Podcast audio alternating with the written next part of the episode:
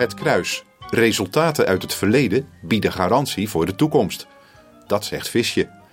Maar we hadden toch net geleerd dat het verleden helemaal geen garantie biedt voor de toekomst. Banken kunnen immers plotseling omvallen en aandelenkoersen instorten. Dan kun je fluiten naar je geld. Maar Visje geeft wel een garantie.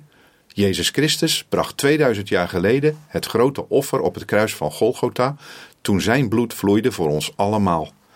Als je dat offer accepteert en beleidt dat hij werkelijk de zoon van God is, dan maakt hij je voor altijd vrij. Dat geldt al 2000 jaar en zal blijven gelden, gegarandeerd. Ja, wat Jezus op dat kruis heeft gedaan, biedt garantie voor de toekomst.